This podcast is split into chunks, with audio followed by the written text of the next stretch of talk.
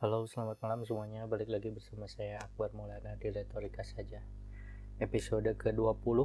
Eh, pertama-tama saya mau minta maaf karena baru bisa lagi siaran podcast. Eh, setelah berbagai masalah yang terjadi, sebetulnya sudah pernah saya eh, gue merekam waktu itu di di sekolah ngobrol gitu sama teman cuman hasilnya kurang memuaskan mungkin ntar bakal coba lagi kalau lebih menarik. Kalau ada waktu khusus. Gak cuman sekedar ngobrol nggak ngalon ngidul nggak jelas gitu. Terus juga gue sedang berduka ya seminggu uh, seminggu kemarin jadi ada yang disebut dengan tujuh harian. Uh, apa? Ya pokoknya ada yasinan ya kalau dalam agama Islam untuk orang yang meninggal. Yaitu nenek saya. Nenek gue nenek gue meninggal uh, minggu lalu. Jadi gue nggak bingung gitu. Nggak sempet bikin siaran podcast banyak hal yang gue rasakan gitu ya. Yang punya yang yang yang mengingatkan gitu sama nenek. Ya pokoknya dari kemarin sibuk lah jadi belum sempat bikin siaran yang lebih yang lebih benar gitu. Uh, dan dan ternyata memang lebih enak ngobrol sendiri ya maksudnya. Nggak tahu saya saya gue lebih senang buat bicara ngobrol sendiri gitu. Ternyata kurang kurang kurang kurang ma kurang malah agak malas gitu ngobrol sendiri tuh gitu bahas di podcast. Kemarin tuh sempet ngobrol sama temen dan tapi hasilnya kurang menarik dan nggak tahu kenapa susah untuk di upload. Akhirnya jadi nggak kerekam nggak ke upload nggak tahu kenapa. Mudah-mudahan nanti bisa lah. Uh, eh,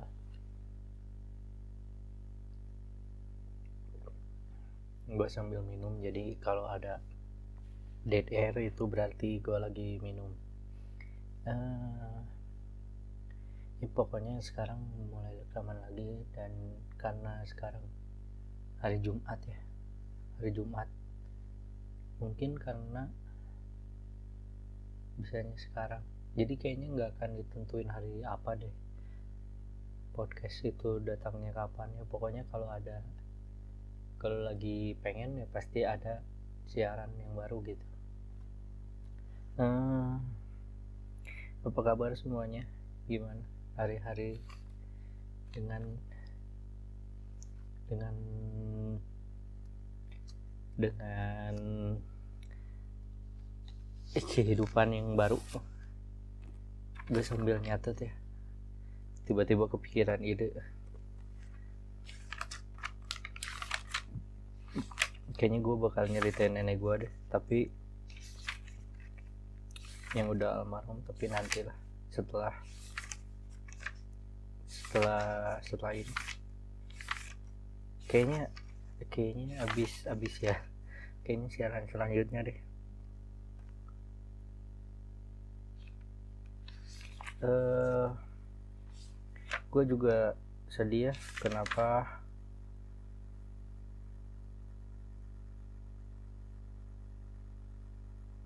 Kenapa uh, hype? Hype apa hype hype tren itu sangat cepat ya. Mengejar tren gitu dan sorry sorry. Minum.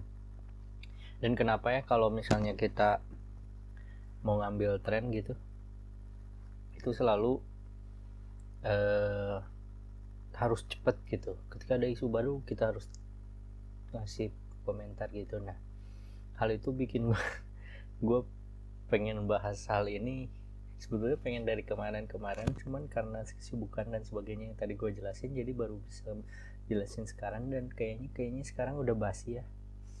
Tapi gak tahu pengen aja sekarang bahas gitu. Pertama ya gini soal soal gue gue baru soal kabinet kerja. Soal kabinet kerjain apa soal kabinet pemerintahan yang sekarang yang sangat maksudnya pemilihannya sangat-sangat gue perhatiin siapa aja yang menduduki apa siapa yang menduduki apa. Maksudnya ya gue gue menaruh perhatian lah gue sampai live streaming gitu. Karena kenapa ya? Karena suka aja. Emang menurut lu hal yang kayak gini hanya untuk orang-orang yang kuliah di politik aja kan kan enggak juga ya. Nggak tahu gue pokoknya pengen bahas meskipun gue sok tahu aja. Mungkin bakal lagi kayak so bener lu bahas-bahas kabinet nggak juga nggak juga. Nggak juga kayak gitu karena gue seneng aja bahas-bahas dulu dulu pelajaran yang gue suka adalah PPKN dan IPS dan ya pokoknya sekitar itu ya. Keluarga negaraan gitu PPKN dan waktu SMA waktu SMK itu. Gue seneng belajar PPKN karena hafalan kan maksudnya nggak ada angka gitu. Yang ada adalah narasi hal yang gue suka gitu. Yang hal yang gue suka gitu opini gitu hal yang gue suka bukan bukan ilmu eksakta gitu mau matematika. Yang gue sebetulnya bisa mau gitu bang mau pengen belajar cuman gue tuh gak bakat aja ngerti gak sih belajar matematika tuh kebakat aja. Jadi kayak gue tuh belajar nih belajar terus belajar belajar. Tapi suka suka nggak teliti aja. Sementara dalam pelajaran matematika pintar aja nggak cukup gitu. Harus ada ketelitian nah gue tuh nggak teliti aja. Gue belajar belajar gue belajar nih. Pengen pengen pengen bisa gue sampai minta belajar minta diajarin sama temen gitu. Diajarin diajarin. Tetap aja pas ngerjain bisa nih tahu nih caranya. Tapi tetap aja nggak nemuin jawaban yang benarnya. Kenapa? Mungkin salah hitung tambah satu satu tambah satu. Ini yang harusnya dikurangi justru dikali hal-hal yang sederhana yang detail-detail kecil gitu yang yang harus oh yang harus teliti gitu. Nah itu yang gue nggak bisa. Akhirnya gue seneng lah. Nah makanya sekarang gue bahas kabinet kerja. Kabinet kerja pemerintah. Jokowi Dodo periode kedua. Ada beberapa jabatan yang gue gue gue suka. Yang gue suka dipegang oleh siapa? Pertama gak tau gue sebetulnya kecewa ya sebagian besar apa jabatan menteri yang dipegang oleh apa yang mendapatkan jabatan menteri itu dipegang oleh orang yang mengecewakannya buat saya. Maksudnya gue kecewa gitu kenapa hal itu dipak di di diduduki oleh dia gitu. Yang pertama kayak Menko bidang kemaritim kemaritiman dan investasi masih dipegang oleh Pak Luhut maaf Pak Luhut tapi sebetulnya saya gak terlalu suka. Nanti kalau denger saya ngomong gini Pak Luhut penyerahin saya ya. Enggak ya? Nggak mungkin kayaknya. Saya nggak signifikan buat suara bapak. Nggak signifikan untuk suara bapak. Oke. Okay. Luhut bin Sarbanjaitan menteri segala urusan waktu periode lalu sekarang menjadi Menteri Koordinator Bidang Kemaritiman dan Investasi. Jadi Luhut bin Sarpanjaitan memegang peranan penting ya dalam visi misi Jokowi ke depan. Dialah yang menggerakkan sebagai berbagai hal yang yang akan di yang akan di yang, yang akan dilaksanakan gitu kayak kayak apa investasi memperbanyak investasi ke Indonesia memperluas ekonomi meningkatkan ekonomi Indonesia agar tidak kemiskinan dan sebagai sebagainya tidak ada. Yang yang merugikan Indonesia dalam hal kemakmuran gitu. Ditidakadakan nah ini Pak Luhut ada Menteri Koordinator Bidang Perekonomian Pak Irlangga Hartanto. Jadi Menko ya Menko itu ada empat ada Pak Mahfud. Pak Mahfud MD yang apa yang berkas berkas pengangkatannya diambil paksa gitu. Kayak takut. Takut gagal lagi. Dia mendapat men Menko bidang politik hukum dan ham eh dan keamanan. Ah sering lah. Emang emang terkenal sebagai bidang politik hukum dan ham eh dan keamanan. Dan dan juga eh, ada pemuhajir Effendi Menteri Pendidikan yang lalu melengkapi empat Pak Luhut, Pak Erlangga, Pak Mahfud, sama Pak Muhajir Effendi Menko bidang pembangunan manusia dan kebudayaan. Wah. Pak Muhajir Effendi ini kan dari Muhammadiyah ya. Dan dia diangkat menjadi Menko bidang pembangunan manusia dan kebudayaan ya. Mungkin emang itulah caranya. Maksudnya salah satu kompromi. Kenapa? Karena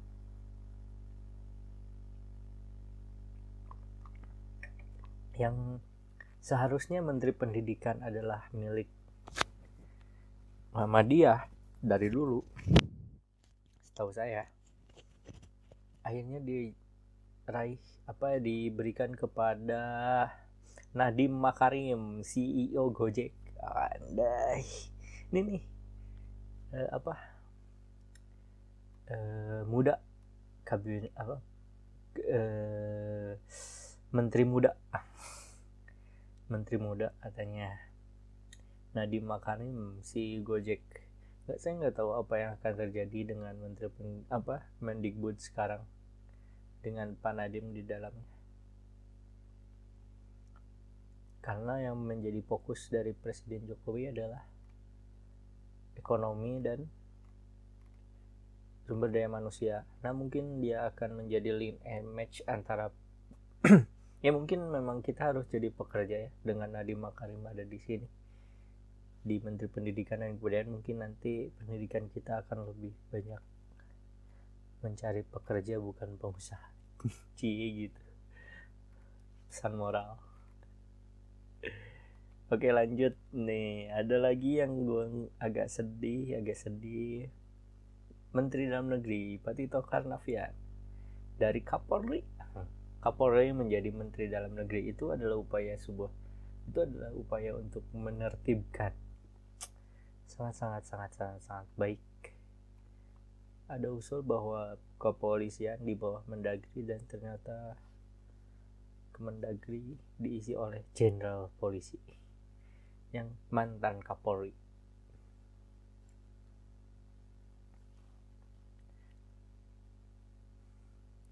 Dr. Andes Haji Tito Karnavian MA PhD. Wow, keren ya mungkin dia bakal lebih mudah nanti melaksanakan ketertiban dan keamanan. Dan salah satu menteri apa salah satu tugas utama dari menteri koordinator bidang politik dan hukum dan keamanan atau yang terkait di dalamnya atau yang di bawah koordinasinya adalah menghentikan radikalisme. Oh, mencegah radikalisme ya itu melawan radikalisme. Lah itulah. Padahal tidak ada yang radikal ya. Bahwa enggak maksudnya. Bahwa semuanya ada radikal. Terlepas itu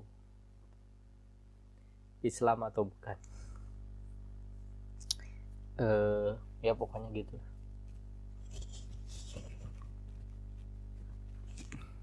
Dan ada yang unik yaitu Menteri Hukum dan HAM Pak Yasona Lauli yang awalnya tidak akan dipilih mengundurkan diri karena akan menjadi anggota DPR eh diangkat lagi diminta lagi untuk menjadi Menteri Hukum dan HAM Profesor Yasona Lamonangan Lauli. Udah Profesor Profesor Yasona Lauli. Dia Menteri Hukum dan HAM. Saya nggak ngerti. Apakah dia berhasil sebagai Menteri Hukum dan HAM?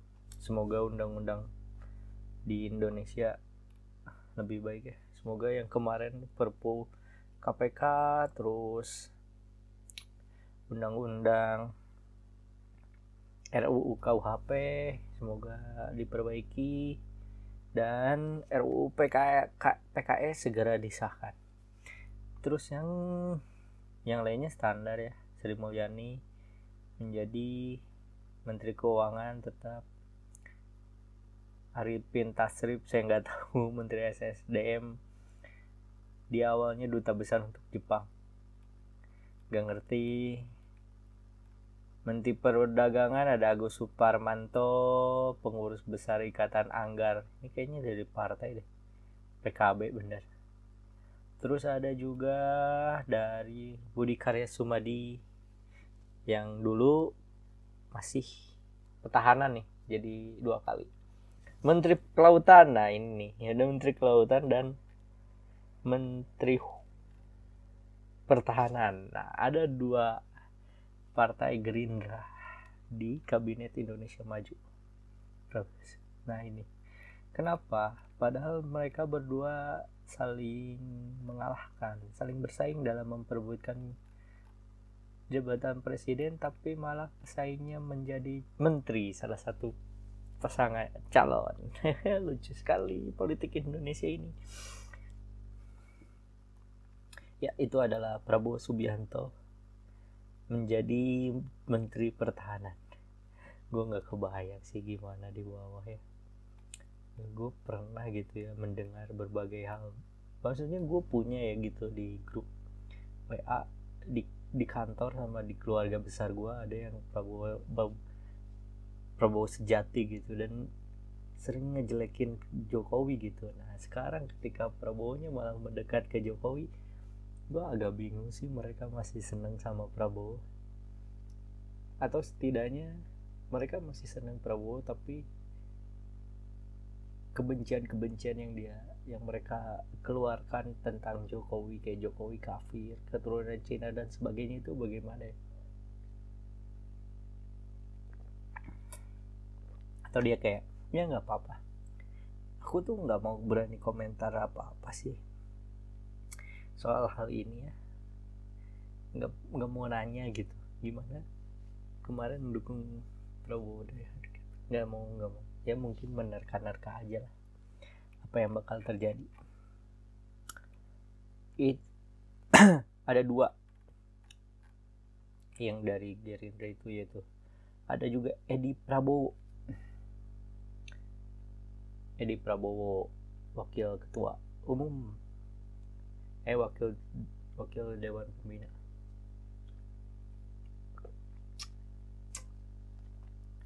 Dia jabatannya Menteri Kelautan dan Perikanan. Menggantikan Ibu Susi Pujiastuti yang dulu sangat sangat sangat anti mainstream. Sangat terkenal dulu ya sebagai salah satu menteri yang disukai oleh rakyat. Ya sampai minta balikin posisi ke menteri gitu gitu loh pokoknya sampai di demo salah satu lagi menteri yang jadi favorit adalah ini nih Basuki Hadi Mulyono menteri PUPR lucu kerjanya bagus. Wah. Basuki Hadi Mulyono dan sekarang dia masih menjabat sebagai menteri PUPR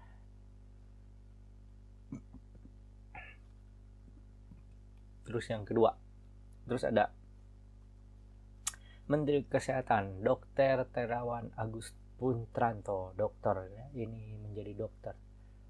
Ini juga jenderal TNI dokter dokter militer lulusan UGM hebat dia kayaknya pendidikan tentara dulu terus lanjut ke pendidikan militer. Ini adalah mantan direktur Rumah Sakit Pusat Angkatan Darat RPAD. Dokter Terawan itu terkenal dengan metode cuci otak. dan sekarang menjadi menteri kesehatan. Semua rakyat dicuci otaknya. Garing ya. Oke lanjut. Itu adalah menteri kesehatan terus juga ada menteri agama. Menteri agama ini unik juga dipimpin oleh jenderal mungkin karena upaya untuk memberantas radikalisme agama. Makanya ditempatkan seorang jenderal TNI Fahru Rozi Batubara sebagai menteri agama yang sebetulnya harusnya milik NU menteri agama itu biasanya katanya gitu. Makanya wakil menterinya sekarang NU tapi itu lain soal. Ada Menteri Pariwisata dan Ekonomi Kreatif dipimpin oleh Wisnu Utama Wisnu Utama tumben. Pendiri net eh, direktur utama net TV menjadi menteri pariwisata. Eh, ini enggak enggak aneh. Menteri komunikasi dan informatika enggak aneh enggak keren malah cenderung buruk. Tapi saya nggak kenal orangnya. Jadi kayaknya nggak tahu lah. Ya mudah-mudahan nggak ada masalah. I Gusti Bintang Menteri Pemberdayaan Perempuan dan Perlindungan Anak. Nggak tahu. Udah paling segitu dong yang akan yang dibahas ya di Kamedet ini. Semoga baik-baik saja.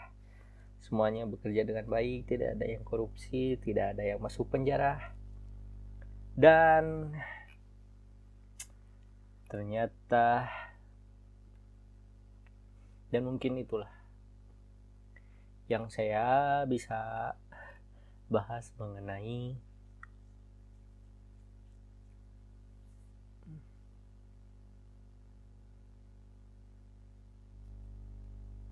mengenai jabatan kabinet Indonesia Maju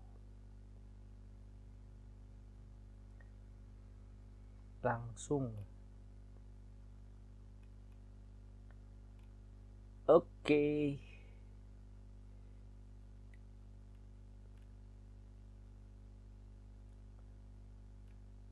nah gitu aja. Terus gue kemarin nonton Joker ya woi lanjut ke topik baru. Gue lanjut nonton Joker ya dan uh, ada dalam salah satu hal Joker itu katanya tidak ada yang orang jahat adalah orang yang disakiti.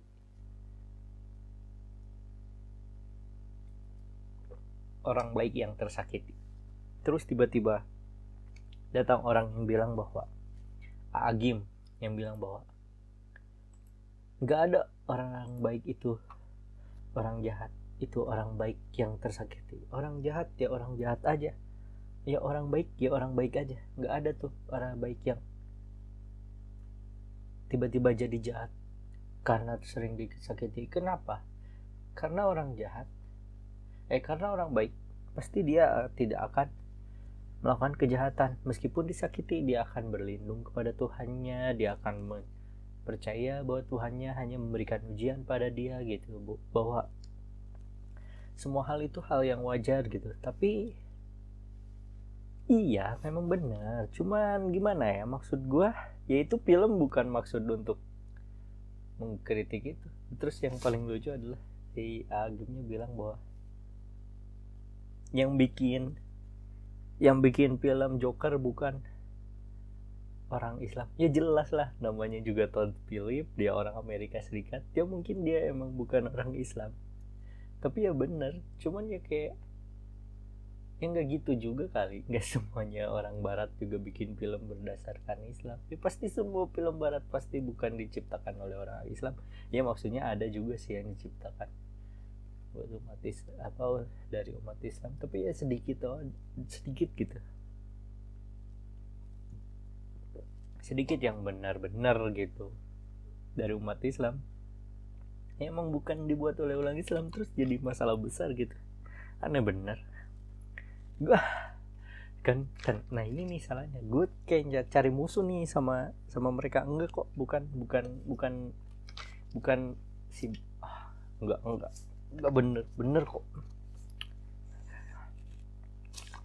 Bukan orang itu adalah salah satu satu ulama yang ngomong kayak gitu. Yang ngomong kayak gitulah. Kan bukan dia. Bukan ulama yang terkenal ada tapi gue percaya bahwa nggak ada tuh bahwa bener bahwa orang jahat tuh gue percaya bahwa nggak ada orang yang ingin jadi jahat. Nggak ada orang yang ingin atau bercita-cita jadi jahat. Nggak ada nggak ada nggak ada. Nggak ada orang yang begitu lah aku ingin jadi penjahat nggak ada ketika ada orang jadi lahir gitu di keluarga pencopet dan dia menjadi pencopet atau pencuri atau apa pun gitu yang tentu aja itu kejahatan ya. Tapi menurut gue orang itu tidak akan mungkin mengatakan gue melakukan kejahatan. Maksudnya dia tidak akan mengakui bahwa dia melakukan kejahatan. Dia akan menolak bahwa itu tuh bukan kejahatan itu tuh pekerjaan dia biasanya gitu. Ngerti nggak hal yang menarik adalah salah satu hal yang menarik adalah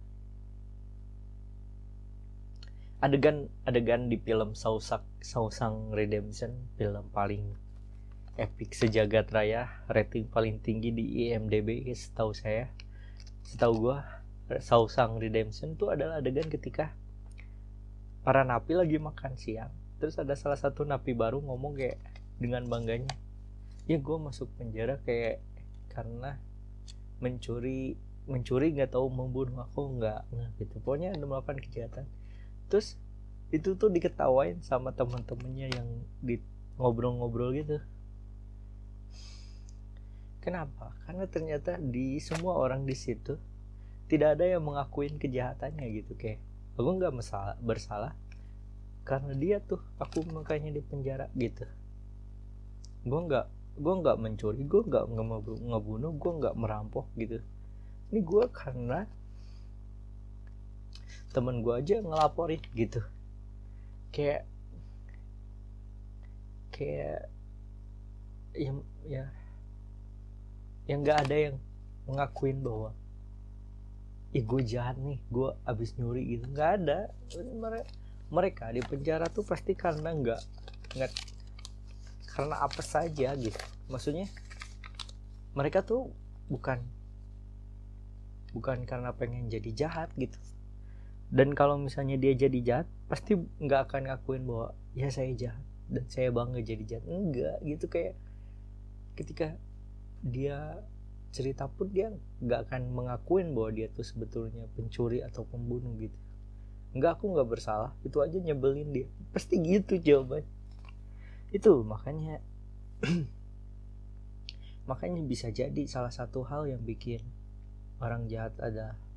Ada adalah karena orang baik tersakiti ya mungkin aja. Tersakiti ini mungkin juga oleh dirinya sendiri gitu. Dan lingkungannya. Contohnya misalnya dia nggak punya keahlian lain gitu.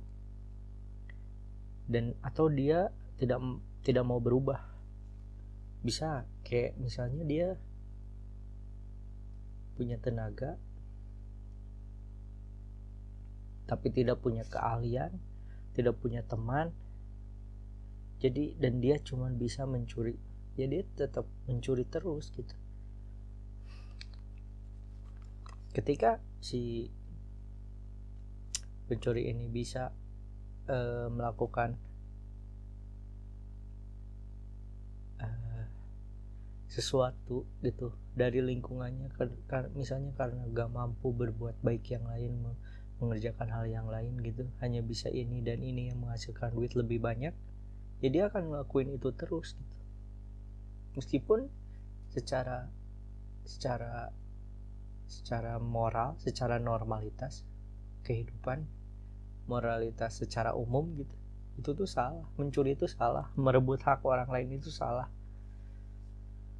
tapi ketika dia sebetulnya pengen pindah tapi nggak mampu entah itu dari lingkungan atau apa ya dia tetap aja di situ gitu. Entah dari dirinya juga bisa jadi. Nah itu. Jadi itulah asal mula penjahat. Asal mula penjahat ya begitu itu. Nggak ada yang tiba-tiba pengen jadi jahat nggak ada. Itu adalah karena dia pengen jadi baik tapi nggak mampu itu. Gue bingung sih. Ya mungkin itu ya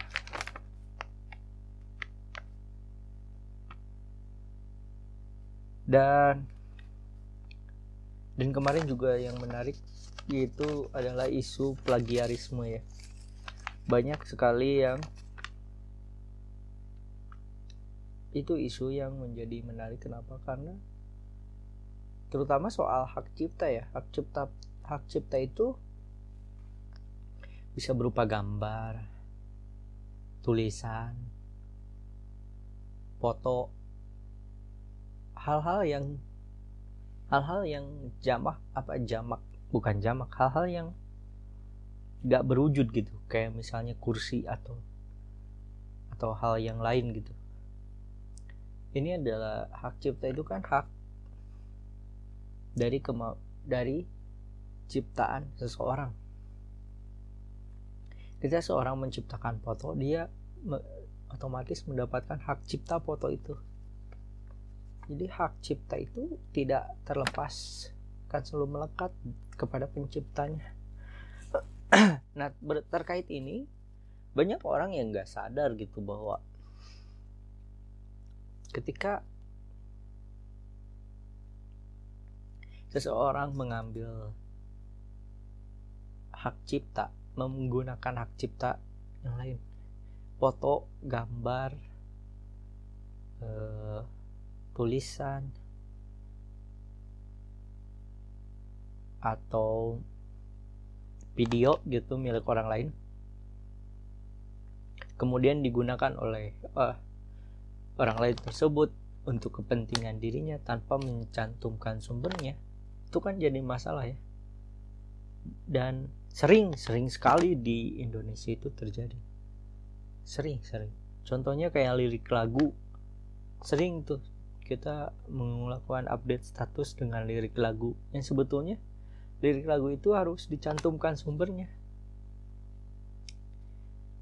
Kutipan seseorang tuh jarang tuh yang kutipan seseorang tuh di dimension gitu di di diceritakan sumbernya gitu. Kayak gue pernah denger nih dari ini gitu kayak kata-kata ini. Nah gitu. Nggak kayak nggak kayak langsung nulis update status gitu pakai quote dari orang lain. Nah nah nah nah nah nggak ada sumber apa apa dianggapnya dia menciptakan kata-kata itu. Ya itu kan salah satu plagiarisme juga kan. Hal-hal yang kita nggak sadarin bahwa itu tuh namanya plagiarisme. Ya kayak gitulah. Gila, capek banget ya. Ternyata siaran tuh emang harus rutin kalau siaran. Biar nggak terlalu capek biar terbiasa.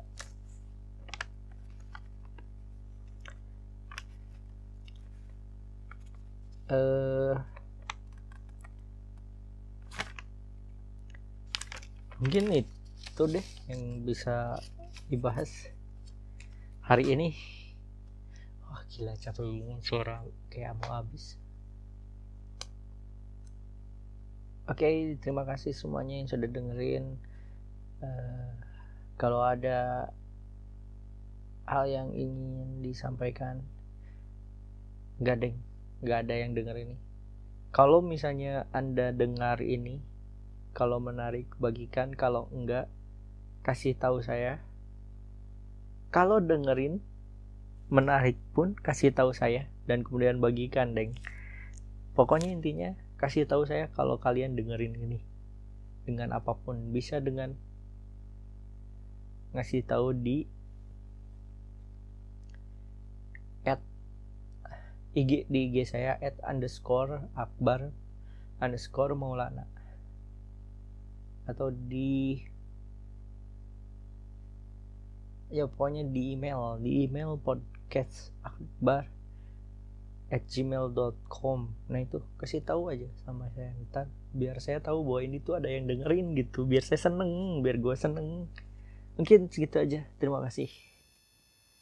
Dah